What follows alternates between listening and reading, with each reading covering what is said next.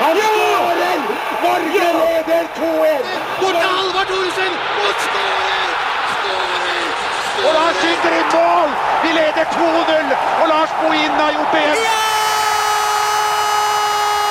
Dagny Melgren, Norge! You boys took a hell of a beating! Cupen. Topp møter Norge. Topp møter fjell, fjord, øy, bygd, dal. Landet. Topp møter folket. Topp møter grunnfjellet. Granitt og gråstein. Topp møter vaffel. Hjemmebakst. Pølse og lompe. Topp møter dugnad. Topp møter velkommen. Topp møter fotballens sjel. Topp møter et ørlite håp. Av vakker cuppoesi.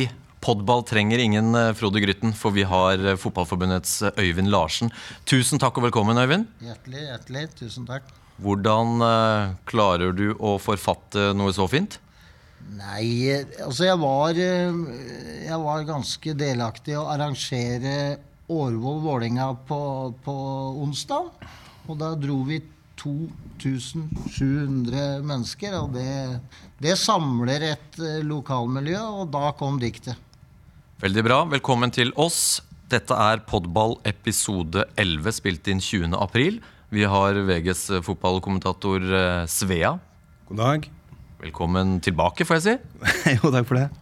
Og så har vi Fjøra, som har lagt Champions League-jobbing litt på hylla og skjønner at i dag skal det handle om norsk fotball. Det skal handle om første runde i cupen, som er historie, og andre runde, som står for eh, tur.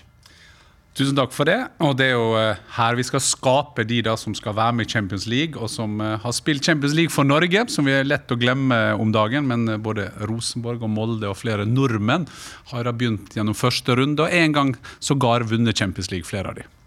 Og vi starter denne episoden av eh, Podball på Sunnmøre. Det er eh, Fjørtoft eh, glad for. Hør på dette her.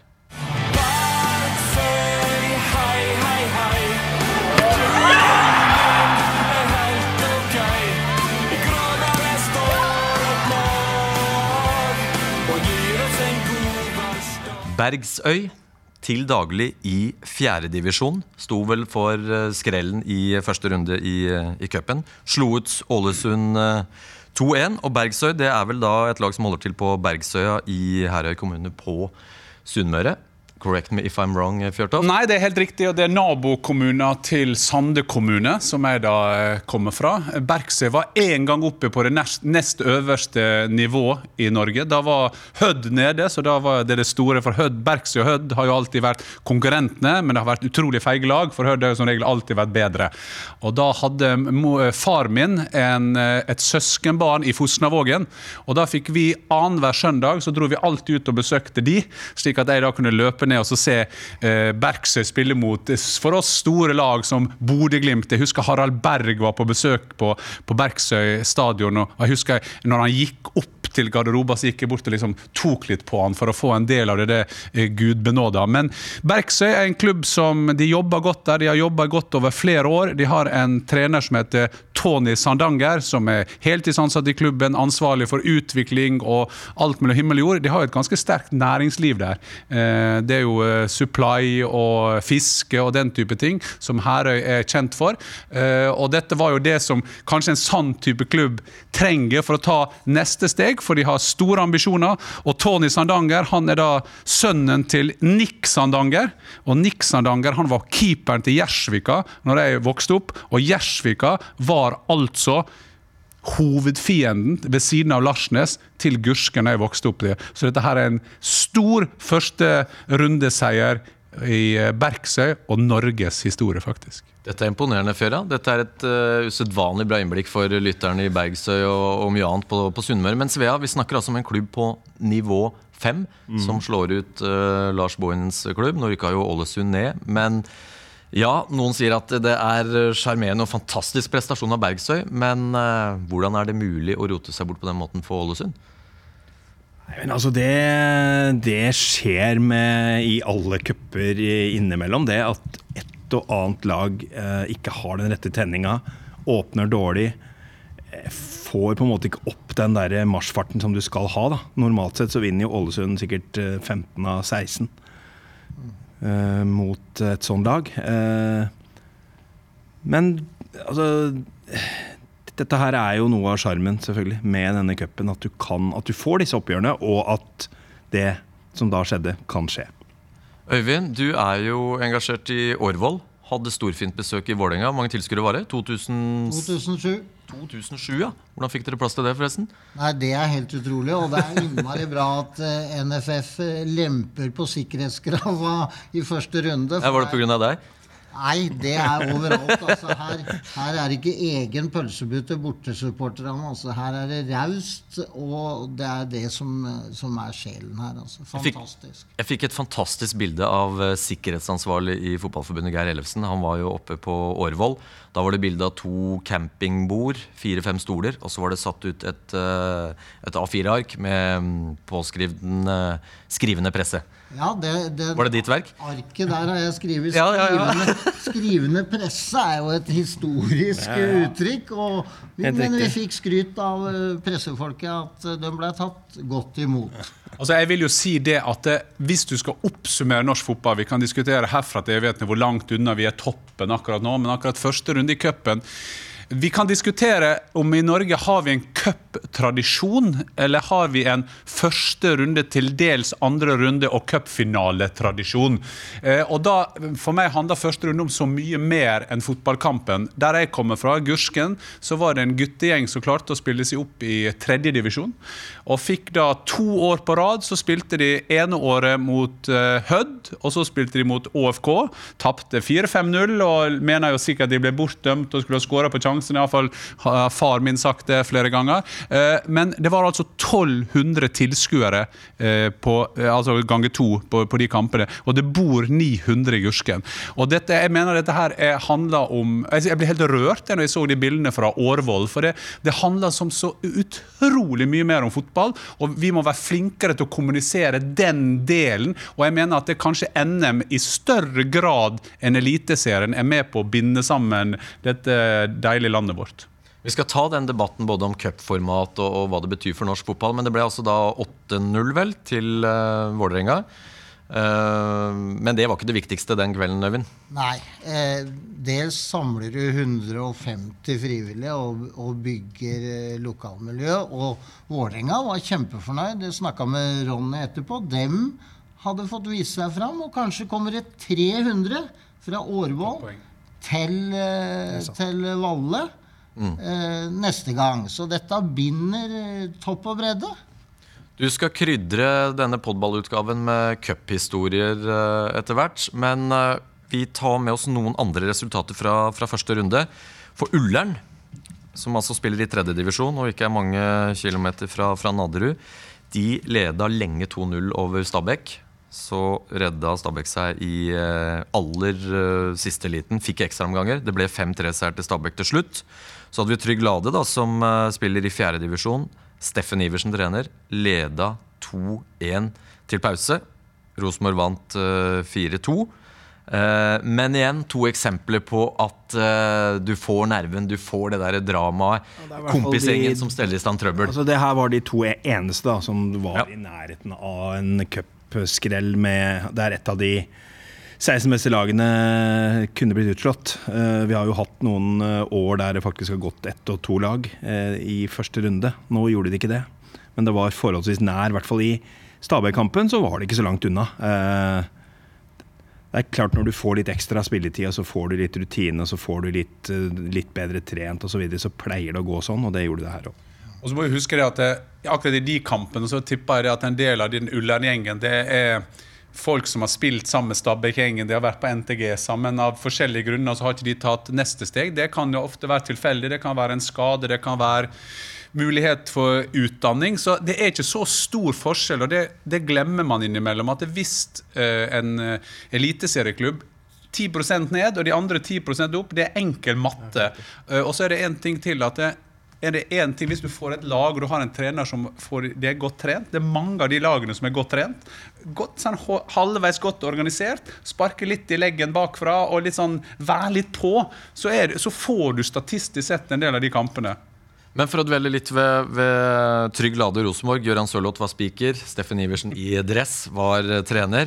Og Kåre Ingebrigtsen sier etter matchen at uh, han sier én ting som TV-ekspert, men gjør noe annet. Og da var altså Kåre kritisk til at Steffen gikk ut i 4-5-1. De leda som sagt to ganger. og Rosenborg vant til eh, slutt. Så når jeg kjenner eh, Steffen, så hadde nok han faktisk brukt mer tid enn vi kan tro på å prøve å finne en plan som skulle ta RBK der. Han hadde han, han, eh. Han hadde møtt opp i både dress og dette her skulle være altså, han, han så for seg at nå, nå skal jeg rett og slett gjøre noe som ingen andre har gjort på mange år. her. Det gjorde han òg. Rosenborg hadde visst ikke sluppet inn mål i første runde. Nei, det kan nok stemme. Det har vært mye X antall år. 15-0. Ja. Men, men det har jo ofte blitt sendt, uh, sendt uh, altså rundt i sitt eget distrikt, men ikke internt i selve byen. Det var jo det som skjedde nå, at du fikk et litt annen type oppgjør. Som var enda tettere. Altså, eh, Trygg Lade er jo, eller altså Ladeområdet er jo det som er i størst utvikling der oppe. Og klubben har jo Bjørn Tore Kvarme jobber jo i klubben der. Jon Olav Gjelde jobber der. Moren til Siljan er vel formann, eller eh, i hvert fall med i styret der. Siljan kommer jo antageligvis tilbake og skal flytte hjem dit. Altså Det er en del ting som skjer der. Nå har du fått inn Steffen Iversen. Det, det kan godt være at det her blir den viktigste rekruttklubben for Rosenborg. fordi selve Rosenborg-området er det veldig mye sånn studenter og veldig mange andre ting. da. Så det er ladeområdet som kanskje er beste rekrutteringsområde for Rosenborg. og Derfor så er det også viktig at dem blir bedre. Og veldig gøy at uh, nettopp da Trygg Lade fikk Rosenborg i, uh, i første runde. Men for å ta det med en gang. Uh, det er jo sånn at det er oppsettet i dag, så er det trekning fra um, fjerde runde. Du, Svea, er jo av den oppfatning Dette er hockeyplata, beklager litt. At uh, Jeg har- Det var ikke podkast sist gang vi diskuterte. Ikke Ja, men jeg har, jeg har på en måte, har på runde, måte blitt litt sånn forbundet med dette her, da. Og det, det er eh, helt greit, for det er noe jeg Altså, jeg, jeg vokste opp med engelsk fotball og trekning, og mener fortsatt, selv om første runde er kjempefint med alle de tingene dere har prata om, så er jeg mest opptatt av rettferdighet. Like, at det skal være likt. Altså hvem skal bestemme hvem som skal møte hvem, det går ikke i mitt hode. Altså Det må i hvert fall være en regional trekning. Det kan godt være de første to rundene at du trekker innenfor et bestemt område, men det må være trekning. Og det handler noe om at hvem er det som skal bestemme hvem som skal møte hvem. Hvorfor skal noen bestemme det?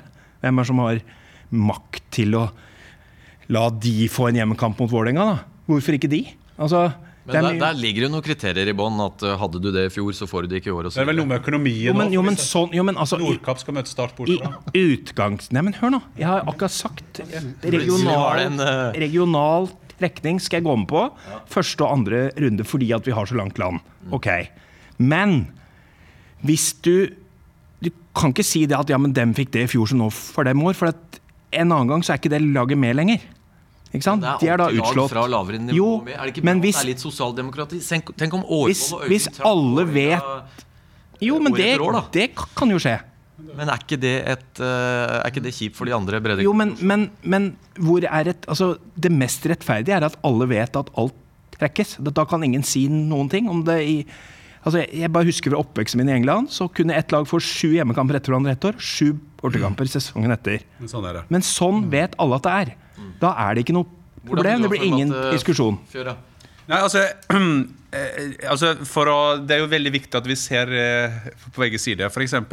hvis Trygg Lade ansetter Steffen Iversen som trener, da får de Rosenborg. Da vil jeg tippe at det er noen andre klubber i Trondheims område så er det så lett. Og da vil jo de si hvorfor fikk ikke vi Rosenborg? For at det, hvis du spør Og det unngår du da. Ja, unngår det. Så- All, all spekulasjon, all, men, alle andre klubber Ja, jo. Trondheim og omegn har jo fått Rosenborg. Jo da, og det har de. Dette går jo på rundgang. Men det får de. Men, men, men, rundgang, altså det må i hvert fall være regionalt, for at vi kan ikke kaste vekk så mye penger med at Nordkapp skal dra til start. De to første rundene regional trekning, så Og første lag opp hjemme hver gang. Ja. At, nei, da mener jeg vi bør ha en tyske modell. At det bør være en modell som gjør at det er den som er lavest i rangstiging eh, Hvis at det i første runde så blir det FC Holzenhausen skal spille mot Bayern München, da er det helt automatisk at Holzhausen får hjemmekamper, for vi kan ikke selge de på Olympiastadion, og så er det tolv tilskuere. Er- Men jeg vil, jeg vil komme med et annet forslag i den diskusjonen. her. Jeg mener jo det at vi skal dra den jeg tror, mener vi skal dra NM enda lengre. Nå er det sånn at tredjedivisjonslag kan være med sånn cirka. Altså, det er vel ikke alle tredjedivisjonslag, det er noe med tabellen før eller et eller annet sånt. Jeg mener jo det pga. at vi nå har så mye kunstgressbane. Jeg mener at dette her kunne stimulert at det allerede Vi begynner utrolig tidlig. Så kan nesten alle lag i Norge ned til tredje eh, Skal vi se hvilken vei går vi da? Tredje, fjerde, femte, sjette. Så kan de begynne den kampen. Så plutselig blir det sånn som i England da, at et sjettedivisjonslag kan spille seg opp til første runde. Og Det er ikke noe problem å få til, for det er en måte å stimulere på at de lagene som eh, begynner i januar å trene, at de har noe å jobbe med. Det er ikke noe problem å så spille cupkamper i Norge i, i januar på kunstgressbane. Nå har vi den delvis, da, for det er første kvalik og andre kvalik. Ja. Så at eh, Men i tredjedivisjonslagene. Ja, fjerde. Fjerdedivisjonslag. Ja, men det var med femte. Ja, ja. Men, Og, og i forhold til strukturen og trekning og ikke-trekning Vi lever jo med skjønn her. Det er dommere har jo skjønn hele tida. Og jeg har tro på eh, Vestlund eller Pedersen. De, de stiller med jævlig mye erfaring. Og eh, vi har nå prøvd å påvirke noen ganger, men dasken, de er flinke. Altså, så det ligger det... Jo, men hvorfor skal noen bestemme hvem som skal spille mot hvem? Du har jo helt. Dag Vestlund prater vi altså om, som er seniorrådgiver i NFF, som har vært der siden eh, siden Chakan gikk i shorts. eh, og var i hvert fall fotballtrener i Vålerenga når jeg kom til Oslo i 1984. Ja, og Rune Pedersen, gammel stordommer i Norge. Men det er jo sånn at det var jo en historie om eh, Nikken Johansen, da, som var generalsekretær i NFF i, i alle år, etter Asbjørn Halvorsen, eh, som han overtok etter. Eh, Da De hadde da såkalt trekning, og da var det sånn tilfeldig. eh, Og, og da var det trekning, altså det var ikke oppsett, dette her var trekninga. Og så var det sånn tilfeldig at Helt til noen ja, ja, ja, hvordan gikk dette her? Ikke sant? For at det, Lillestrøm unngikk alltid Rosenborg, Vålerenga unngikk alltid Lyn. ikke sant? Sjarmerende flyt. Ja, sjarmerende flyt. i sett. Tilfeldig. Ja, og så spurte, og så spurte de vel angivelig, da, må jeg si, spurte de Nikke hvordan han fikk til dette her. Blir det sånn når du trekker hele tiden? Og så sier han det blir det til slutt. så det var trekk, da. Så det var liksom Så uh, Det her er jo som da Nils Arne Eggen sa at det var sosialdemokrati, hvordan det laget ble sendt ut. Og så gikk han på do med Donald Duck, og så kom han ut igjen med laget. For ordens Sånn skyld, da. hver gang. For ordens skyld, Øyvind, du er altså fagansvarlig for trener- og aktivitetsutvikling i Fotballforbundet. Du jobber ikke med NM-oppsettet og i, i konkurranseavdelingen, selv om Årvoll spilte mot Ja, men vi må få Det er greit å lov, vi må få lov til å mene. Ja, ja. Jeg prøver å ikke ansvarliggjøre deg for uh, Nei, det, det er bra. Men skal si det bare si den det er en cuptradisjon. eh, Et par-tre myter da, som vi sier. Vi sier i Norge, så sier vi, de som ikke følger med, så sier de at det er bare i Norge og England de har cuptradisjon. I Tyskland har de en fantastisk cuptradisjon. Vi fahr nach Berlin. Min gamle klubb Eintracht Frankfurt slo jo nå ut Schalke på andre året på rad, eh, på vei til Berlin. Eh, er også viktig å påpeke at eh, Paris Saint-Germain skal spille finalen i Frankrike mot et tredjedivisjonslag. Altså Neymar og dette oljelaget. Ja, men uh, han er, dukker nok opp da, kanskje.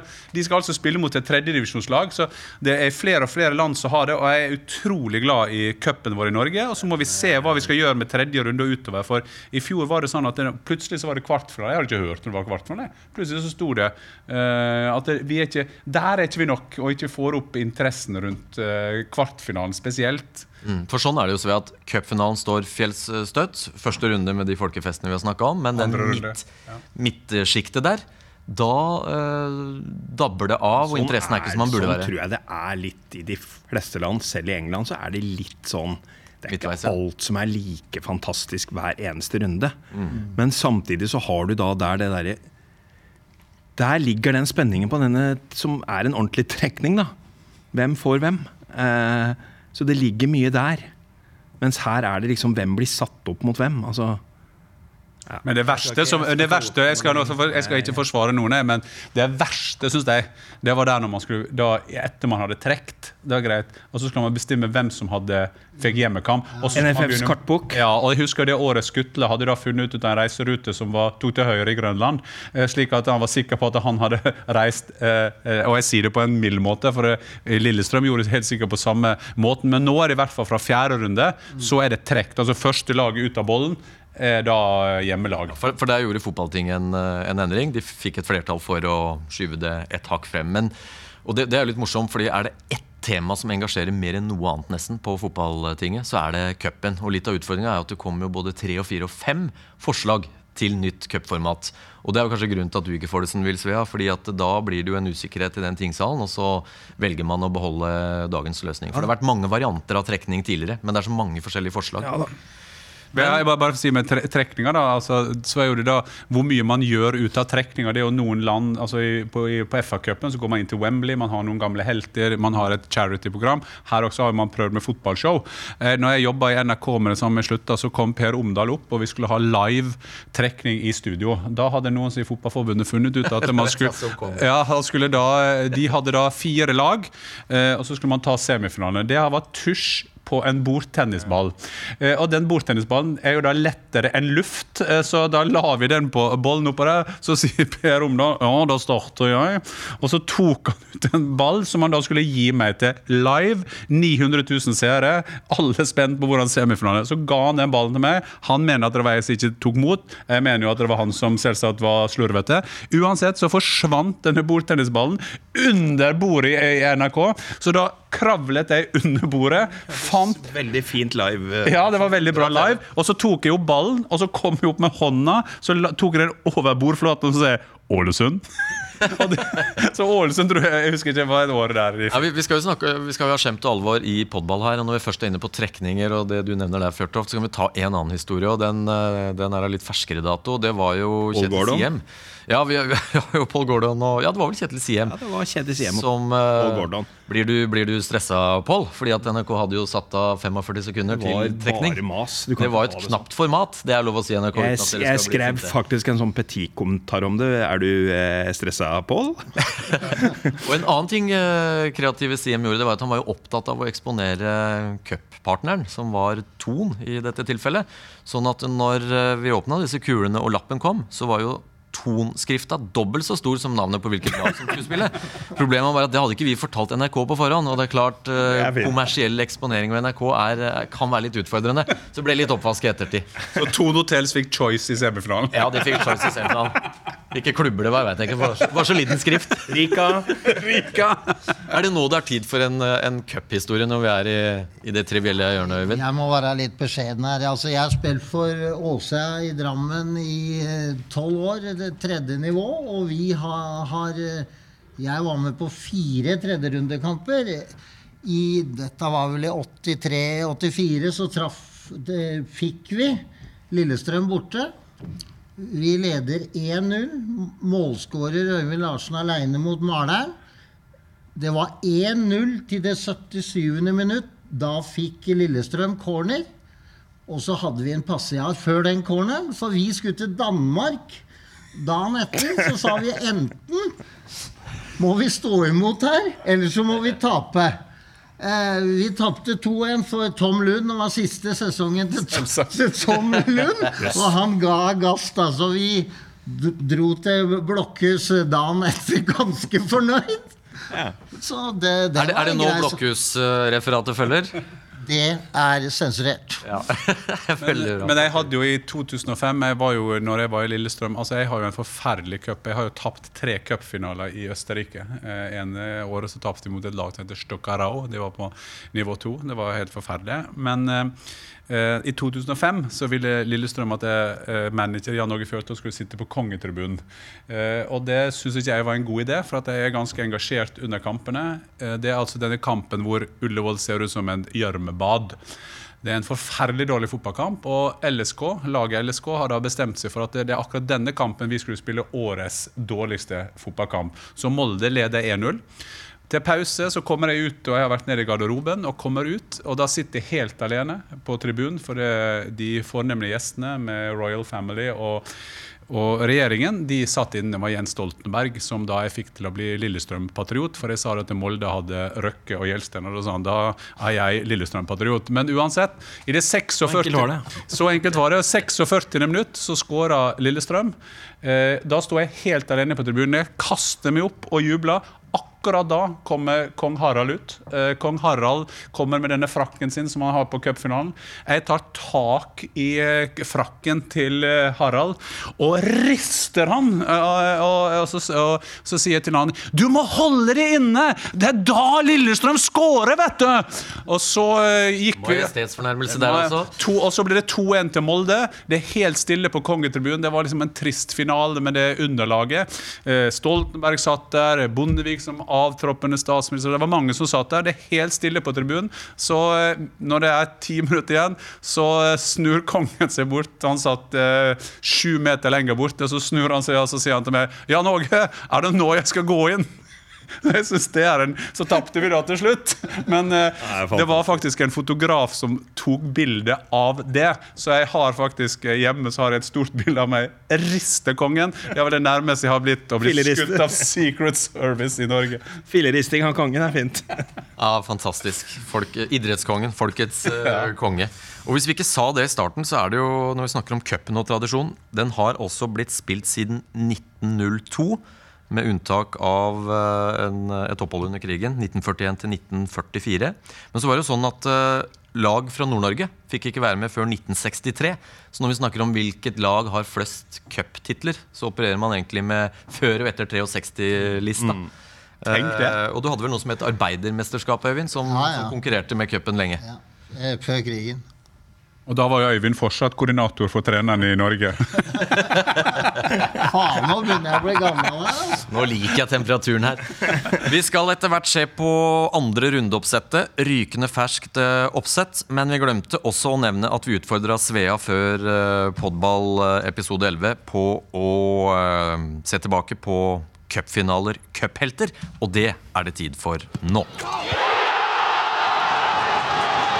Ja, Svea. Nå er jeg spent. Og så er spørsmålet hvilken rekkefølge vi skal ta det i. Skal vi ta cupfinalene først? Eller Jeg kan ta cupfinalene aller først. Altså, Ja. den, den som jeg husker best Dette her har noe med Dette har jeg faktisk forska litt på sjøl. Altså sånn egenforskning fra når du er mest påvirka av ting som skjer i livet ditt. Og det har jeg funnet ut at det er mellom du er eh, 10, 11 og 16-17 år. Alt som skjer da, det er fryktelig sterkt. Det sitter veldig, veldig, veldig lenge. Eh, derfor så er det hos meg så er, er da Johan Cruyff selvfølgelig den fortsatt den aller største. Eh, Leeds som tapte det 75-finalen, er Det aller beste, og Det var ikke offside. osv. Sånn kan vi holde på. Vi husker det. Så det første jeg skal nevne, som er da den første cupfinalen som jeg husker jeg satt ordentlig og så på hele kampen, og som jeg var ivrig og fulgte med og husker ting fra, det er Skeid Viking 3-1 i 1974. Stein Thunberg, som da ble en sånn starthelt for meg etter hvert, han var kanskje den første cuphelten min. Han skårte to mål Rødhåra. i den finalen. Og Viking, da, som var det store laget på den tiden, som da vant eh, serien 72, 73, 74, 75, det var den eneste cupfinalen de var i. Den vant de ikke. Det er det jeg husker. Jeg husker lagoppstillinger fra den. Det, jeg skal ikke ta det nå, men det er huet mitt er sånn. Det husker lagoppstillinger. Jeg husker nesten de 22 fra den kampen. Det er jo sykt nok i seg sjøl. Han satt på benken, kom ikke inn. Hørte du det, Eh, Dan? Du kom aldri inn. Den neste jeg vil da nevne, er eh, sikkert ikke så hyggelig for deg, Jan Åge, men det er Tromsø-Lillestrøm i 1986. Som da var en sånn Ikke at det var noen sånn supersensasjon at Tromsø skulle vinne, men det var litt måten det skjer på. Det er da altså en, en, en, en høyrebekk som ingen hadde hørt om, som skyter fra 250 meter, og ballen går i mål. Og det er, og det er sånn på en måte kampen åpner, og da bare fortsetter det. Og da taper altså Lillestrøm, som da egentlig skulle vunnet kanskje cupen i 86 og tapt i 85, det ble omvendt. Så de vant ligaen det ene året og tapte cupfinalen osv. Så, videre. så ble det omvendt. Det var nummer to. Og den tredje jeg har, er eh, Det tror jeg skyldes mest at da jobba jeg veldig med det og blei med opp dit etter kampen. Det er altså Bodø-Glimt Strømsgods i 93. Det var noe med det laget og de typene på det laget som gjorde at jeg falt veldig for det. Altså Tom Kåre Staurvik skjøt jo ballen i mål fra enda lenger enn han i, i Tromsø, og hardt. Og, og, og det var liksom et, et eh, solid lag som han hadde tatt opp fra ingenting, og rett opp til topps. Holdt på å vinne serien, vant cupen i 93. Og så, og så dro jeg dit etter kampen og var med laget opp dit, og det var ordent, ordentlig feiring. altså. Det var ikke sånn juniorfeiring med hei og hå, det var ordentlig hele natta. Litt sånn i din ånd, det her, eh, Øyvind. Ja, så det er de Og så, hvis jeg skal ta Kan jeg få ta en liten kommentar? til Ja, ja. Du, de der minnene du hadde der Jeg tror det er riktig at det er den alderen vi er mest påvirkelige. Det er derfor jeg tror det er kanskje ett som var Som kanskje Jo, det har- store Askeladden. Det var Sogndal. Jo, jo da, jo da. Men jeg har bare Altså, jeg har jo, jeg har jo 100, så jeg måtte jo Ja, ikke sant? Jeg skjønner det. Så jeg måtte jo velge. Eh, tre cupfinalehelter for meg. Eh, den første blir på en måte litt fordi at han var så voksen som han var og kom hjem og, og tok over hele showet i norsk fotball. Det var Harald Berg i 75. Eh, som andredivisjonslag, som det da het. eh, kom til cupfinalen mot et annet andredivisjonslag, Vard. Og jeg, jeg husker fortsatt bildene av Harald Berg fra sportsboka etterpå osv. Som liksom den hjemvendte sønnen som bare gikk inn og overtok. Med kapteinspinnet, gul drakt, så er det dumme tannbørstene på tribunen osv. og, Hadde- Og, og hadde en målskårer i Arne Hansen. Arne Hansen og Terje Mørkved, som da hadde vært i Rosenborg, som returnerte til Bodø-Glimt, og som tok det laget opp. Og så ble et veldig godt fotballag etter hvert. Sturla Solhaug. Sturla Solhaug skårte i den finalen. Eh, den andre helten er jo kanskje en klassisk helt. Det er eh, Tom Lund. Fra finalen mot Bodø-Glimt i 78. På en fryktelig bane på Ullevål, altså bare gjørme. Men klarer da selvfølgelig å komme seg gjennom da, til slutt og skåre med disse lange skritta sine. og Det så ut som han ikke løp fort, men han løp jo fortere enn alle andre. Med ball. LSK hadde røde drakter. Helt riktig. Bodø-Glimt spilte med sine normale. Uh, Tom Lund var jo en sånn hero fra jeg var liten. Uh, alltid. Og den siste jeg vil da nevne, det er eh, selvfølgelig pga. en bestemt ting. Som ikke Erik Thorsvedt liker å høre. Det er da skuddet nok en gang. Altså, jeg er jo litt glad i disse langskuddene. Altså, Per, per Egil Ahlsen, som jeg kan sitere en kollega med, tok fart i et annet fylke. Og, og, og smelte den ballen inn over huet på alle som sto i den muren, og inkludert vår landslagsskipper, som har 97 landskamper. Det er, det er, det er, er sannsynlig, det er sannsynligvis det fine, nesten det fineste målet jeg har sett av langskudd. For den går som en sånn skødder. Rett fram, bare uh, og rett i mål. 84, da. 1984, Fredrikstad vinner omkampen mot Viking. Det er noen øyeblikk du kan se 100 ganger, og det er like praktfullt uh, gang nummer 99 og 100. Og det er sånne skåringer. Det er jo to ting man husker fra den dramaturgien rundt det. Det er jo det at det for det første at uh, Hvem er det Skeie som sier? Eller Bjørge. Bjørg Lille Lien som sier det var for 100 meter, og så hører du Olsen i bakgrunnen 20. Mm. Så tok jo vekk en del av dramaturgien der, eller noe sånt. Og så var det alltid være ordentlig. og så var det etter kampen, og alle var i orgasmisk feeling på denne skåringa til Alsen. Så intervjua de Torstvedt, som er den tørreste humoren siden uh, Ålesund brant. Så spør de ja, hva syns du om uh, skåringen til Alsen, og så sier Torstvedt den skulle jeg tatt. Så han var ikke med på dramaturgien, Men han mener jo det òg, for Ja. at det var jo så langt hold. Jo da, men, men han har jo litt rett. At når du har så god tid, på en måte så skal du tenke at ja, men da må jo keeper rekke og liksom, altså, Han skal egentlig da rekke å gå bort han, og ta han, men, men det er ikke han- sånn du står i mål. Kanskje han rett og slett blei betatt. At den ballen som steig, Ja. steig og steig. Kanskje skudd, altså. Er- han ett sekund Men blei betatt. men når vi er inne da i det historiske hjørnet, og takk for lista og, og gode øyeblikk, Svea. Jeg er det jeg kaller administrativ cupmester. Vålerenga 2008, året etter Fjøra ble cupmester med Lillestrøm. Det som var gøy i den litt vanskelige Martin Andresen-perioden, var at den cupfinalen til Vålerenga, 4-1 over Stabæk, Det var jævlig bra. to Moa-skåringer, to Daniel Fredheim Holm, det er en av de beste enkeltkampene Vålerenga har gjort i, i litt nyere tid. ja. Det er nok helt riktig. Og så- var det samtidig et Stabæk-lag som var Norges beste, men som var fullstendig tomme. For de hadde vært med på alt mulig kjør før den finalen. Alle tilstelninger, alle, altså alle intervjuer. For de kunne ha vunnet the double. Ja, Ja. Altså, og, altså På den tida så var det det beste laget i, i, i Norge, men akkurat så tok Vålerenga på akkurat riktig tidspunkt. Sånn.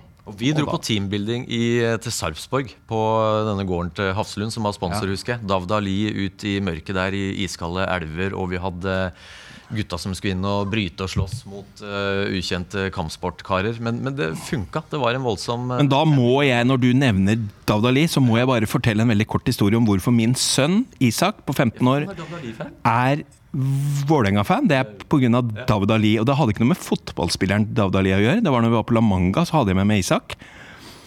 Og da møtte vi mange folk, men David Ali tok seg av Isak. Han tok den med rundt, spilte fotball med han, snakka med han, sånn og sånn. Og det var nok. Og det er sånn som fotballspillere kan lære litt av, hvis du gjør det litt ekstra. Han bare tok den med, snakka med han, da var Isak sju-åtte år. Er norsk fotball. Godt poeng. Helt fantastisk. Men, men, men, hva får jeg si, men vi, det der du sier med Vålerenga, det var jo sånn som vi gjorde med Lysne. Du kan gå i de fellene der. altså I 2005 var vi med på altfor mye. Eh, det var ditten og datten. og så i 2000, Vi tapte mot Molde ja, Vi tapt mot Molde i 05, og så kom vi til cupfinalen og skulle møte Haugesund i, uh, 06? i, 06. i de var, ja, Nei, 07. Ja, De var, på, de var på nivå 2. Og da tok jeg med laget ut til Sandvika. Og det var jo like over der jeg bodde. Det var jo punkt nummer én. Og så skulle ikke vi være med på noen sånne revyer eller noe sånt. Vi skulle ikke være med på noe. Men vi hadde altså en konkurranse. Jeg kjøpte inn fullt av godteri. Uh, og så satte vi oss ned, og så hadde vi sånn konkurranse med laget hvem som hadde de beste humorinnslagene. Og de som vant, han som vant, det var Khaled Moeli fra Tunis, som ikke kunne prate norsk, som vant på den beste parodien av Tom Nordli.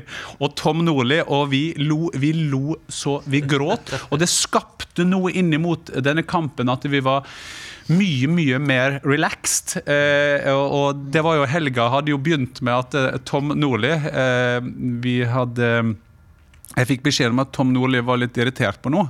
Eh, og da viste det seg at det var min skyld. Fordi at eh, NFF har et sånt program der de intervjuer trenerne.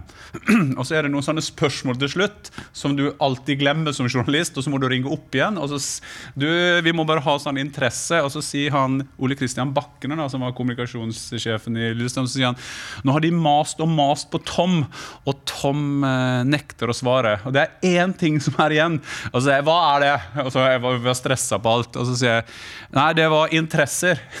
Og så skrev jeg 'skriv eh, at han samler på frimerke og gamle sølvpilen'. Og så glemte jeg den historien, helt til at programmet kom ut. Så, så sier Tom Hvem i F er det som har sagt at jeg samler på gamle sølvpil? Og jeg husker Tom, jeg må bare be om unnskyldning, det var meg. Og så ble jo det latter til slutt av det. Men eh, det var vår oppkjøring til Haugesund seier. Øyvind, cup, eh, gode cupminner. Ja, jeg må mimre litt igjen, da. Eh, Du sa det at du husker best fra du er 10 til 16. Det er i hvert fall ting som sitter sterkest. Jeg vet ikke om du husker best, men du sitter sterkest. Jeg eh, var på min første cupfinale i 65, og jeg husker ikke hvem som spilte, men jeg husker kampen Janitsjar. Og jeg husker pølse i papir med sennep. Og ikke minst så husker jeg at jeg satt ved siden av Bukk Jensen. Oi! Jeg satt ved siden av Bukk Jensen, og vi konkurrerte på, med 'Ja, vi elsker', altså synge høyest. Så det, det sitter eh, Og jeg har fra 65 alle cupfinaler. Der tror jeg faktisk er norgesrekord.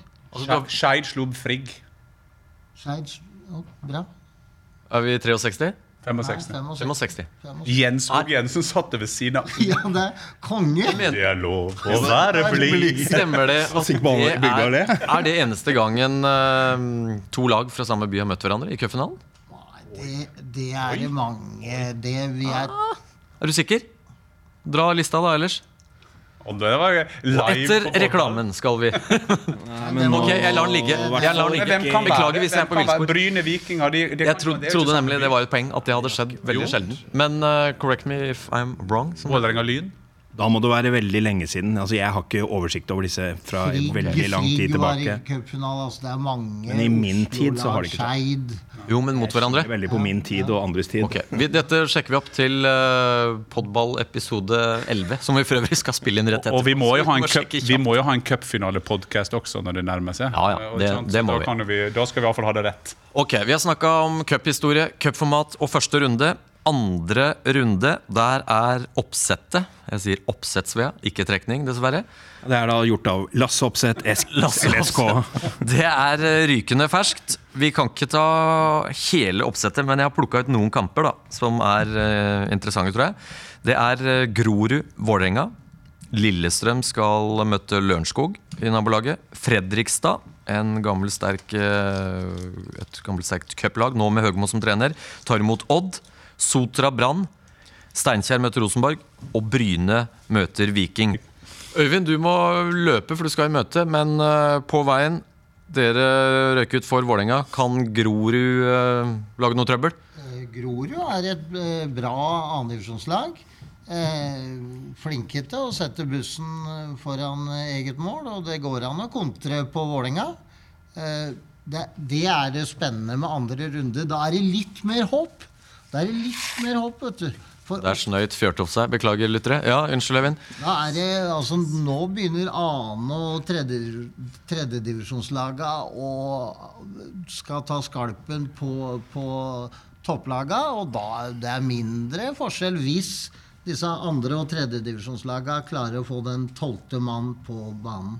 Eller som de sier i Senterpartiet, den ellevte mann. ja, ja, ja. Uff, uff. Ok, eh, Øyvind, takk for besøket. Bare hyggelig. Og for gode historier. Kommer til å låne deg seinere også. Godt møte. Øyvind går. Jeg syns jo da for øvrig at Øyvind Larsen nå var litt Tor Østefossen her. Med har et bra lag og Ja, var det? spiller bra. Ja. Halvard sentralt på midten. Arne foran, Åge bak. Men du, jeg nevnte andre kamper her, da. Eh, Fredrikstad eksempelvis vant jo 1-0 i serieåpningen eh, med Høgmo der over Asker. Eh, vant, var det over Kråkerøy i cupen? Eller husker jeg feil? Ja, de vant i hvert fall 1-0, eh, Fredrikstad. Ja, det var, det var mot Asker. De vant til 4-0 i cupen, tror jeg. 4-0 i cupen, ja, det er helt Ja, jeg lurer på om det var Kråkerøy. Ja. Det var Nei, altså Med altså, hjemmekamp der mot et Odd-lag som er ganske shaky, vært i snart et år. Og Eh, Fredrikstad med 5000-6000 på tribunen. Ja, og det er jo, der er jo fortsatt galskap, forsto jeg. Når det var liksom solgt 4000 før første seriekamp på nivå 3. Da Vant 4-0 mot Kvikk Halden, bare for uh, vi skal rette oss selv. Men eh, det er også synes jeg et godt oppsett. fordi at det, Dette er jo noen som får, De kommer med ca. 6000-7000 tilskuere i en sånn kamp. Det er vår tidligere landslagssjef som nå får møte et lag på det nivået. Det Altså, Jeg vil ikke si det er en bombe hvis Fredrikstad for De kommer til å gjøre en god kamp, og så, og så er det det som skal avgjøre, og Ja, ja. matchvinnere og den type ting. Jeg kjenner ikke laget til FFK godt nok nå, sånn spiller for spiller, men hvis jeg kjenner Høgmo rett, så klarer jo han å få til noe eh, når han får litt tid. Og det ikke er så mye mas rundt den hele tida, så tror jeg han kommer til å få til noe der. For Litt av sjarmen med andre og tredje rundeoppsettet er jo at man ser kjapt på det og tenker hvor kommer, eh, Ja, ja. om ikke bomben, så i hvert fall overraskelsen. Ja, ja, selvfølgelig. Steinkjer eh, ikke god nok eh, til å ta Rosenborg, selv om Trygg Lade leder. leder har et godt lag. Steinkjer, Jeg pratet med en helt tilfeldigvis i dag morgen. Så pratet jeg med en fra Steinkjer som er en stor fan av Ketil Linseth. Ja. Eh, som er fra Steinkjer og er stor Liverpool-fan. Nå jobber han i First House. First Kommunikasjonsmann. Eh, og da diskuterte vi, for jeg sa jeg skulle kjøpe, og da jeg hadde jo en sånn eh, følelse av at eh, jeg måtte prate med en del folk, og da tenkte jeg at det er Steinkjer, eh, hvor gode er de? For det var noe annet jeg ringte om. Eh, og da sa han Steinkjer har et godt lag i år, så det blir jo spennende. Og de har mange gode spillere på gang. Eh, så det er jo Ja, gøy. men altså, det, det, det vil jo skje det på steder eller i byer eller i klubber som har vært Noe med kulturen. Ja, som liksom har noe liggende der, så kommer jo noen generasjoner innimellom som de kanskje får beholde et par år. i hvert fall. Da kan de rykke opp en divisjon eller gjøre det bra i cupen.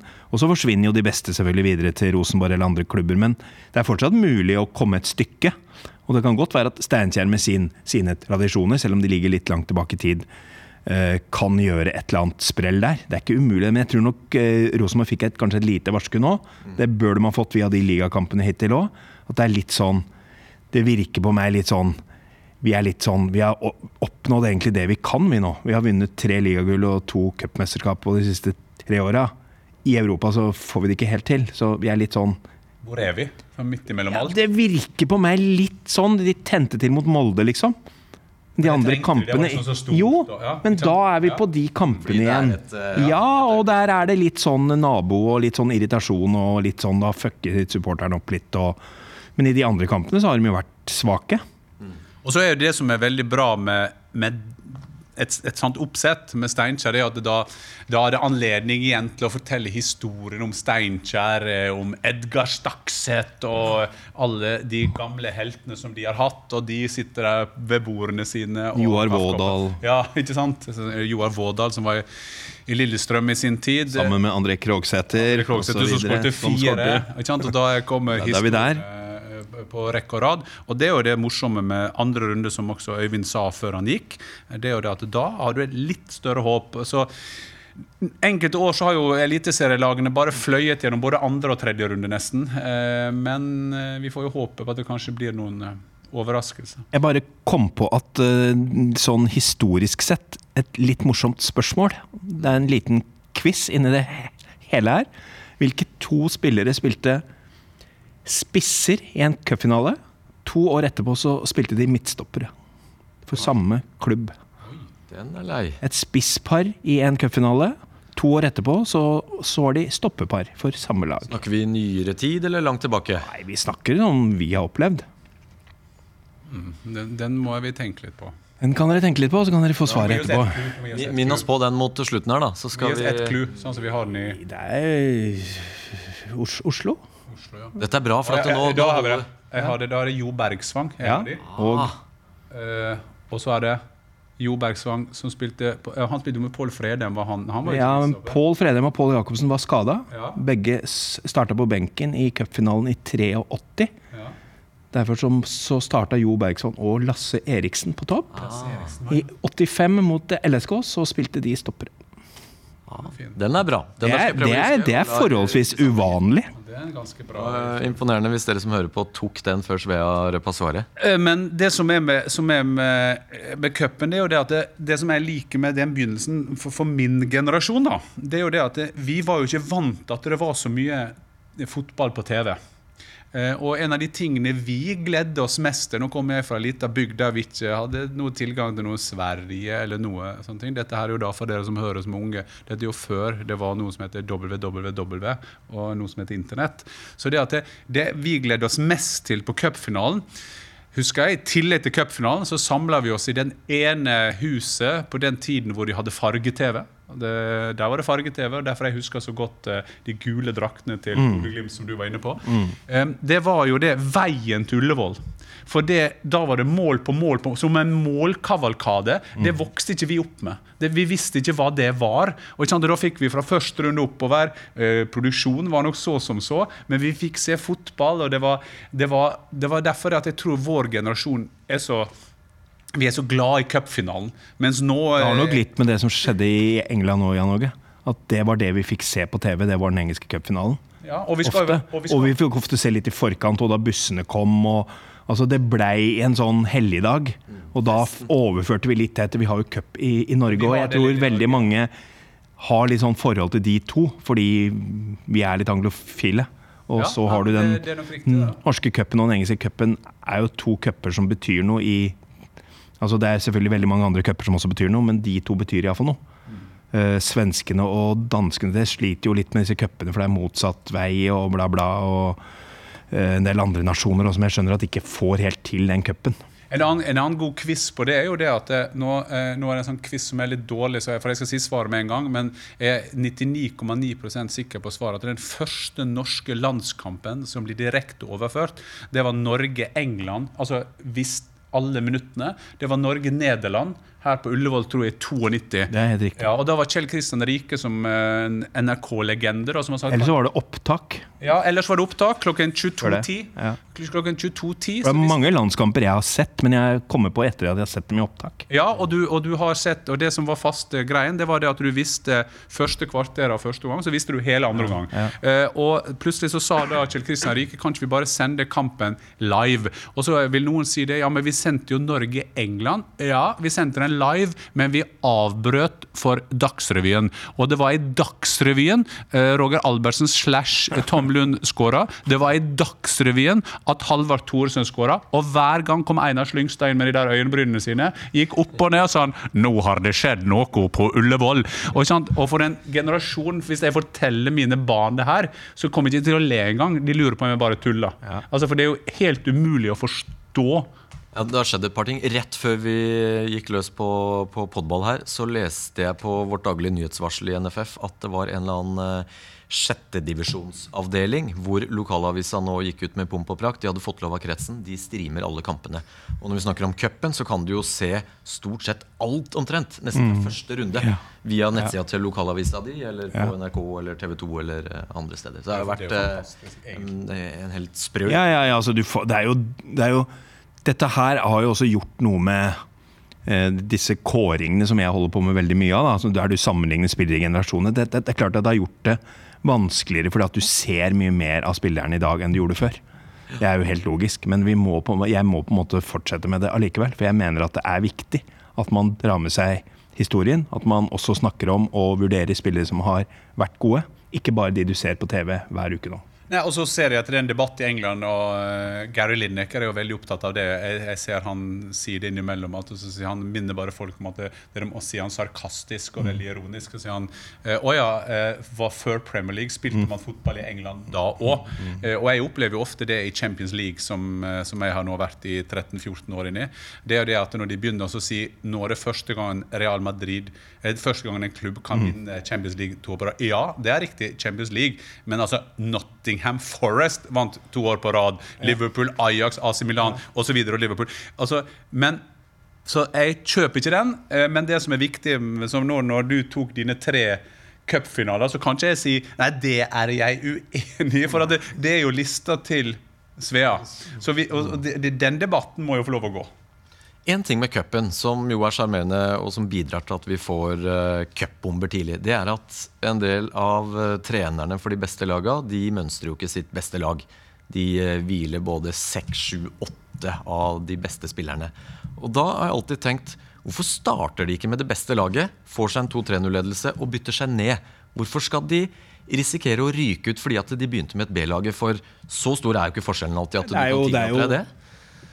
Enda mer de siste åra, syns jeg, både i England og i Norge, at du på en måte har en to-tre veldig gode spillere på benken som du setter inn i tilfelle du må ha noe. Det er jo, som du sier, litt mer risikabelt enn å kanskje starte med det laget, og så kanskje bytte de tre viktigste spillerne i pausen, hvis du leder 3-0. Jeg sto på, eh, I min første cuprunde som LSK-manager med Ove Røsler som trener, så sto jeg i trappa på Strømmen og så at vi lå under 1-0 mot Strømmen når det var rundt 60 minutter. Så satte han inn på Michael Mifsud, som gjorde mye rart. Men han hadde en bra egenskap, han skåret mye mål. Ja, og var rask. Og var veldig rask, og da snudde det seg. Og det var du liksom så nærme pga. at du skulle hvile eh, noen spillere. Hvis at du viser til England, så viser du det eh, som er interessant. Og så sier at det, det er mange som hviler. Det skal Pep Guardiola ha. Han tar ligacupen på alvor. De vinner ligacupen. Jeg tror ikke han gjør det neste år. Nei, det kan godt hende. For det er jo Champions League og, og konsekvenser av denne type ting. Men det er jo sånn Hvis du vinner Charity Shield, som jeg kaller det fortsatt, Ja, eh, så, så er det viktig. Og hvis du taper finalen, så var det ikke så viktig. Og Sånn er det litt med cupen i, i, i England også. Og jeg, og jeg tror uansett Lars Bohinen selv om at det er hans hovedmisjon det er å få eh, ÅFK Ålesund tilbake opp, det er, da er alt glemt. Men, men, men, dette, men dette er en ordentlig rip i lakken som går på Hvis han hadde vært et forsikringsselskap, så går det på egenandelen hans.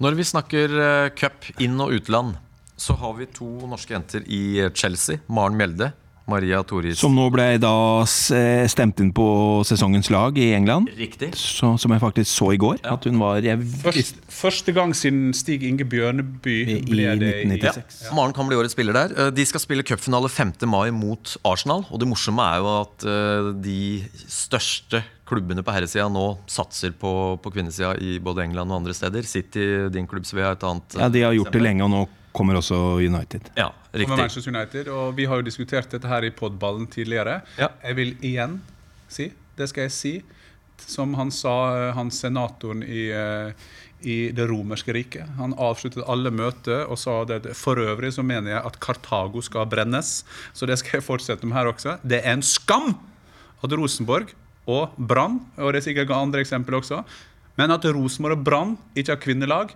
det er slapt, det er pinlig, det er flaut, og det er noen markedsfolk der oppe som ikke skjønner sitt eget beste. Punktum. Og så bør Kartago brennes. Men jeg er sikker på at uh, det kommer. Det er bare et spørsmål om når, uansett hva Men gjør det dagens nå, da. sier. Ja, og du Tove Dyrhaug, du er en av Norges dyktigste ledere på alle nivå. Jeg digger deg, Tove, men der har du en jobb å gjøre. Det er bra. Men det er jo det er vel mest naturlig her at Trondheimsørn blir Rosenborg. Som På et vis. Strømmen, strømmen Helt riktig. ble LSK. Det er det, det mest, naturlige det. Men, men grunnen til at jeg dro opp uh, FA-cupen for kvinner i England, var ikke at vi skulle ta den debatten igjen. Det var for å se litt på, på sesongen til eh, Mjelde og Torisdottir. For de kan også bli seriemester i England. De kan bli cupmester. De skal spille semifinale i Champions League. Og så er begge sentrale for Norge som uh, jakter eh, plass i, i sluttspill. Uh, imponerende det de eh, får til i en, i en klubb som virkelig satser i England. Ja, Nei, altså, og, og hvis, hvis du drar det litt lenger, da, så er det klart at det er jo sånne spillere du Har du fire-fem av de der, så kommer det landslaget ganske langt. Det skal jeg garantere. Så mange gode spillere er ikke at det er antageligvis nok. Hvis du har fem så gode, og det har du jo egentlig, det er bare at de er ikke med alle, så, så, så får du et landslag òg som står mye, mye bedre. Og så har du, du, du begynner jo å få dette her. Nå har du Ingvild Isaksen i Ventus. Du har Karoline i eh, Wolfsburg som gjør det bra. Eh, du har Ada, naturligvis. Eh, og du har flere spillere som nå er i, i, i gode klubber. Det betyr jo selvsagt at det er en jente i Senja eller i Gursken som de har noe å se opp til. De skal ha drakten, eh, altså den type. Du begynner å få også spillere eh, eksempel Min favorittspiller akkurat nå er jo Guro Reiten, som er en helt fantastisk fotballspiller. Og hun er så bra i sånn avslutninger. Hun er så genial i avslutningene sine. Hun er sånn tsk, hun har det der, eh, Nå lager det lyd, sånn Ole Gunnar Solskjær. Hun, hun bare kom, Rapper kommer til. Ja, rapper til. Og så hun merker nesten ikke at hun har dette her tror jeg skyldes veldig mye at nå altså sånn, Jeg ser det jo litt i Asker, der sønnen min spiller, hvor mange flere jenter og jentelag som har vært med helt fra de er små. Like mye, som trener omtrent like mye. Da, det er klart, da er det ikke så mange eh, f- altså forskjeller, egentlig, som det trenger også være. Da vil du få opp veldig mange gode jenter òg, selvfølgelig. Og de trener like mye. Det er ikke noe som sier at gutter er mer geniale med enn fotball. Det er ikke det. Og det som er gøy når det gjelder da våre norske jenter, det er at vi er garantert å få noen i Champions League-finalen. Jeg nevnte Maren og Toris datter. Ada skal jo spille for eh, Lyon. Og så har vi Caroline for eh, Wolfsburg. Hun har begynt å skåre nå. Ja. Mye mer enn tidligere. Hun kommer jo til mye sjanser. Så det blir, eh, det blir spennende å følge. Nå er det vel søndag. Første av to eh, semifinalekamper eh, spilles. Jeg ser på uret. Det drar seg mot en eh, time her. Er det noe vi skal innom på tampens ved når det gjelder cup? Norge eller andre steder? Nei, altså, jeg syns det er en viktig debatt. det der, Kan man gjøre noe for å liksom få dette midtsjiktet i cupen? Altså de midtsjiktrundene, for å si det sånn. Altså, igjen, det er alltid mye styr i en første runde, kanskje andre runde, og selvfølgelig finalen. Muligens noen semifinaler òg, men det er noen runder imellom her som Jeg har ikke noe genial løsning. Liksom, jeg har jo jobba i både VG og Arbeiderbladet i alle år, og vi har jo vi skriver jo om det, men det er liksom det vi får beskjed om. Dere må lage mer oppstyr rundt det. Mitt inntrykk er ikke at det er nok. Altså, det må være en eller annen sånn Altså, det, det må bare bli en greie som gjør at cupen fortsatt er kul, selv om det er tredje runde og kampen er mellom to, et lag fra andredivisjon og et lag fra tredje. Altså. Jeg, jeg tror det må, handler om å, om å gi mer av seg selv. Jeg ser, nå, da prater jeg om den store og hele. Jeg syns f.eks. det Lillestrøm har gjort i år med VG, og så garanterer jeg når Lillestrøm taper to kamper til, så er det det som er grunnen til at de har Det har jeg allerede sagt. Da, når kommer det? Sånn er jo fotballen. Men, men eh, å by på seg, med på seg selv eh, Jeg var jo i den generasjonen så kanskje vi plutselig så hadde jo vi alle jobben i norsk fotball rundt fem, seks, sju. Kanskje det var litt for kjapt, men det var mye som skjedde rundt klubbene. Og jeg tror at det, i en tid hvor mye av kommunikasjonen skal slipes, og den skal være veldig fragmentert, altså den skal være, leveres i, i, eh, i blokker, sånn, så tror jeg at vi skal tenke nye sånne ting. Og det er sånn som Lillestrøm gjør det. Åpne garderoben, alle sånne ting. Me like. Og der skal det sies at Fotballforbundet NRK har jo hatt workshoper hvor de har sett på cupen. De plukker ut en kamp nå som de hauser opp ekstra og gjør eh, ting både i og rundt TV-sendinga. Det gjaldt vel Sandviken Brann her nå i første runde. Og så er det vel mye som tyder på at kanskje Bergsøy Molde kan bli en sånn eh, happening nå i andre, andre Så Altså jeg, jeg, jeg synes jo Stort sett så syns jeg folk gjør mye ut av det. Men det er bare ikke plass og tid for kanskje de mellomrundene sånn i folks bevissthet. Da, at det er like interessant. For det er fortsatt langt igjen. Og samtidig så har du liksom vært gjennom det derre første happeningen. Så det blir en sånn der litt vakuumrunder. Det tror jeg ikke gjelder bare Norge. Jeg, og jeg, ser- og jeg også, dette handler jo om så mye mye mer. Det er jo så mye fotballkamper på TV. Jeg ser jo av og til når jeg har vært på en sånn Champions League-turné, og når jeg kommer hjem da så ser jeg en kamp, og så må jeg første ti minuttene bare ta meg ned igjen. Altså jeg tror at den nye generasjonen Jeg så jo plutselig på TV nå denne kampen i 85, da Åge Hareide gjør dette eh, tilbakespillet. Og så, Jeg trodde det var tidenes kamp. ikke sant? Og det er jo noe med hvordan du opplever det der og da. Jeg tror den nye generasjonen er mye mer kresne. Altså, jeg, det er ikke sikkert løsninga er bare at vi skal få større oppslag i, i avisene. Altså, kanskje det handler om noe så mye mer. Så det er ikke sikkert at vi skal bruke all energi på det, for det er bare noe som ligger i, i, vår, i vårt samfunn. Kloke ord, og da tror jeg vi setter strek der. Jeg skal bite cupnegler i morgen, er det vel. Tottenham, Manchester United, semifinale FA-cupen. Det blir eh, vondt før den tid. så Dere har jo hjemmekamp, da. Dere har jo hjemmekamp. Vi har jo hjemmekamp både der og i finalen. Det er uh, riktig. Det er en, nok en utvanning. Eh, Kan jeg da ta et litt hjertesukk til slutt, som det selvfølgelig, selvfølgelig. overhodet ikke blir uh, hørt på? Men jeg har bare tenkt på det nå når jeg har vært en del på hjemmebanen til Asker, som da heter Føyka. Så bare tenkte jeg på oppveksten min, så var det veldig sånn stas å få spille på hovedbanen enn den du spilte på guttelaget i juniorlaget. Da du endelig fikk sjansen til å komme opp dit og spille. Det var stort. I dag så trener du på hovedbanen fra du er fem år. Det, det, er noe, det er ikke noe stort lenger. Det er feil. Du må isolere hovedbanen til kam viktige kamper. Legge treninger og alt. Du må ha flere kunstgressbaner, haller osv. for å unngå det der òg. Det må være stas å spille på ho hovedbanen, og det er det ikke lenger. Og med de kloke ordene så vil jeg bare sitere Åge Hareide. Og jeg skal avslutte da med en eh, historie om Åge Hareide. Og jeg vil allerede nå si at som de fleste Åge Hareide-historier, så er ikke historien morsom i seg selv. Det er måten Åge Hareide forteller historien på. Og da er det cup. Vi skal til Molde. Molde spiller mot Bud eller Treff eller et eller annet lag. Og så leder Molde 9-0, vet du. 9-0 leder de, og da besvimer oppmannen på det andre laget. altså. Han bare besvimer, og ut på sida må Molde-legen borte han da, vet du, og, og, og, ordne, og så tar han temperaturen på han, vet du. Og akkurat når han våkner, så sier, så legen, vet du, så sier han 37-2, og da besvimte han igjen, vet du, for han trodde det var faen meg 37-2 i cupen, vet du. Tusen takk, eh, Jan Åge Hareide Fjørtoft. Svea, hyggelig å ha deg på besøk. Bare hyggelig. Cup er cup. Takk for at du hører på eh, Podball.